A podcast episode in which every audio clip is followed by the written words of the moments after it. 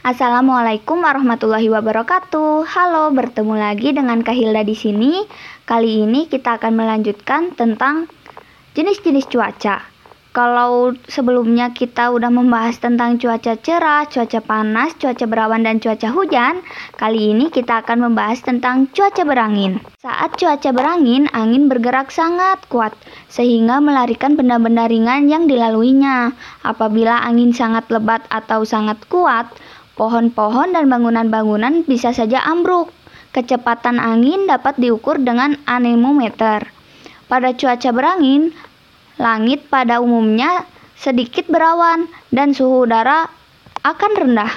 Aktivitas yang dapat dilakukan saat cuaca berangin, salah satunya adalah bermain layang-layang karena sangat cocok untuk menerbangkan layang-layang.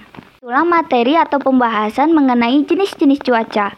Semoga dengan mengetahui jenis-jenis cuaca, kita bisa mengetahui perbedaan dari setiap cuaca yang ada. Sekian dari Kahilda, sampai bertemu di pembahasan yang lainnya. Sampai jumpa di podcast selanjutnya.